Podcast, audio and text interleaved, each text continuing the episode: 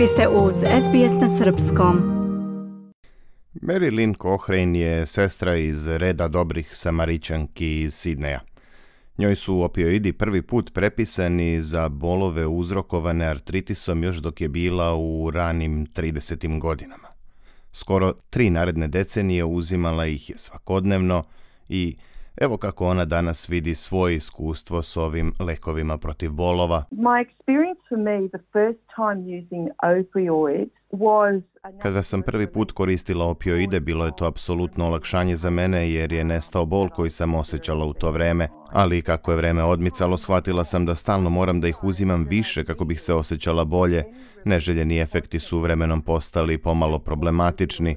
Dolazila sam u faze kada nisam mogla da vozim automobil, postajala sam letargična i nisam želela ništa da radim. Bilo je kao da sam na nekom oblaku, kaže Mary Profesor farmakologije na Univerzitetu McQuarrie, Mark Connor, objašnjava šta su zapravo opioidi. An opioid is a drug that activates To su lekovi koji aktiviraju opioidne receptore i koji prvobitno potiču iz biljke maka, kaže Konor, i dodaje da su iz ove grupe lekova neki ljudi recimo upoznati s morfijumom. Pored toga postoji mnogo drugih sintetičkih molekula koji postižu efekat isti kao i morfijum. Obično opioidi se koriste za ublažavanje bolova nakon akutne traume. Dakle, ako slomite nogu ili imate ozbiljnu operaciju, a mogu se koristiti i za lečenje postojanje nekih vrsta hroničnog bola, posebno bolova izazvanih kancerom. Neki od najčešće korišćenih opioida su kodein, fentanil, oksikodon i metadon. Obično se proizvode u formi tableta, ali postoje i tretmani u tečnom obliku. U opioide spada i droga heroin koja se obično ubrizgava intravenski. Kada reč o opioidima, Marilyn Cochrane smatra da oni mogu tek malo ili čak uopšte ne mogu da budu od koristi kod hroničnog bola na duži vremenski period. Za mene je problem bio u tome što sam želela da živim neku vrstu čistog i kvalitetnog života, ali to nisam mogla da uradim s količinom opioida koji sam uzimala u to vreme.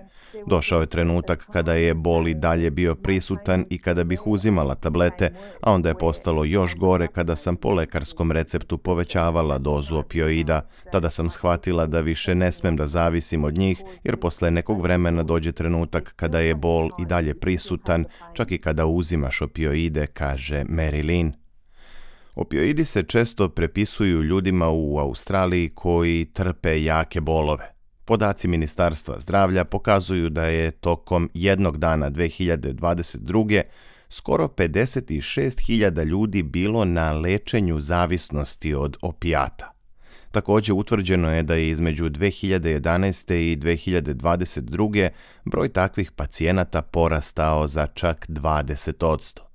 Profesor Conor kaže da opioidi mogu postati štetni po ljude ukoliko se uzimaju duže vreme, bez obzira na to da li i dalje ublažavaju bol ili ne. They can stop working.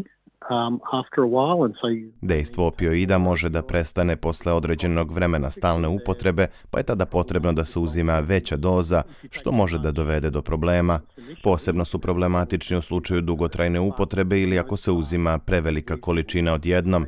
Tada mogu da se jave problemi sa akutnim predoziranjem, upozorava Conor, ali u isto vreme kaže i da su opioidi prilično bezbedni kada se prepisuju za bolove posle loma kostiju ili postoperativno, iako se koriste prema uputstvu lekara. Iako mogu da budu opasni, takođe su korisni za ublažavanje naročito dugotrajnih i iscrpljujućih bolova, kaže on. Podaci pokazuju da su farmaceutski opioidi sada uzrok više smrtnih slučajeva u Australiji nego bilo koja druga kategorija lekova. Iako su dostupni samo u posebnim slučajevima i uz lekarski recept, zbog činjenice da izazivaju zavisnost, dospeli su i na crno tržište.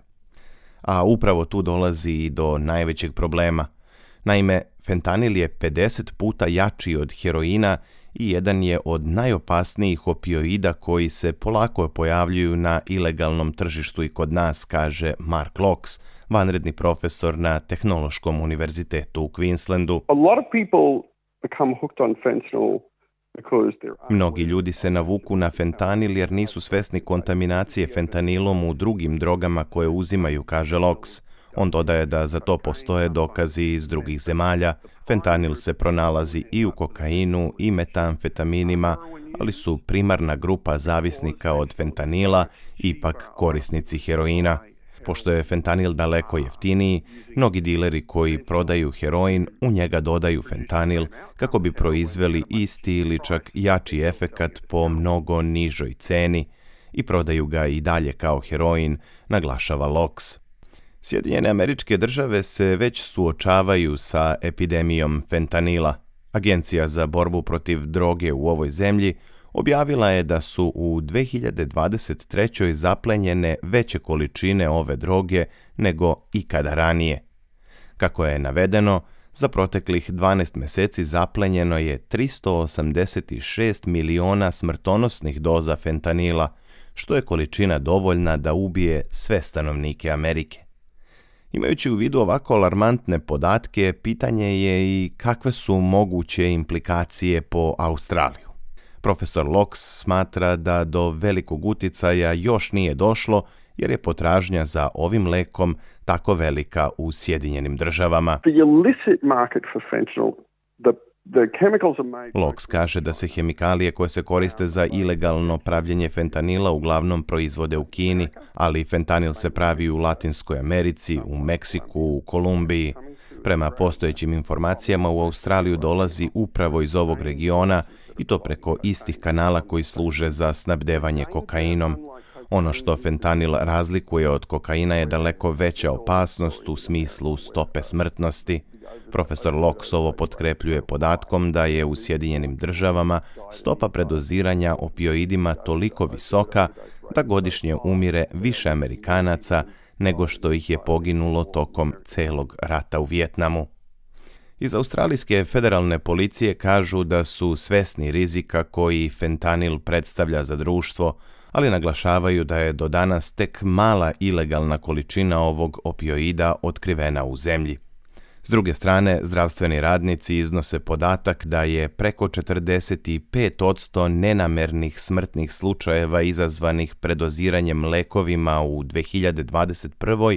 bilo povezano sa opioidima. Ovo je, kako kažu stručnjaci, više nego dovoljan razlog da se preduzmu koraci kako bi se skrenula pažnja na opasnosti koje prete od zloupotrebe opioida i zavisnosti koju oni stvaraju kod ljudi, piše Kira Hein za SBS News. Vi slušate program na srpskom. Ja sam Branko Cvetojević. Ostanite uz nas. Želite da čujete još priča poput ove? Slušajte nas na Apple Podcast, Google Podcast, Spotify ili odakle god slušate podcast.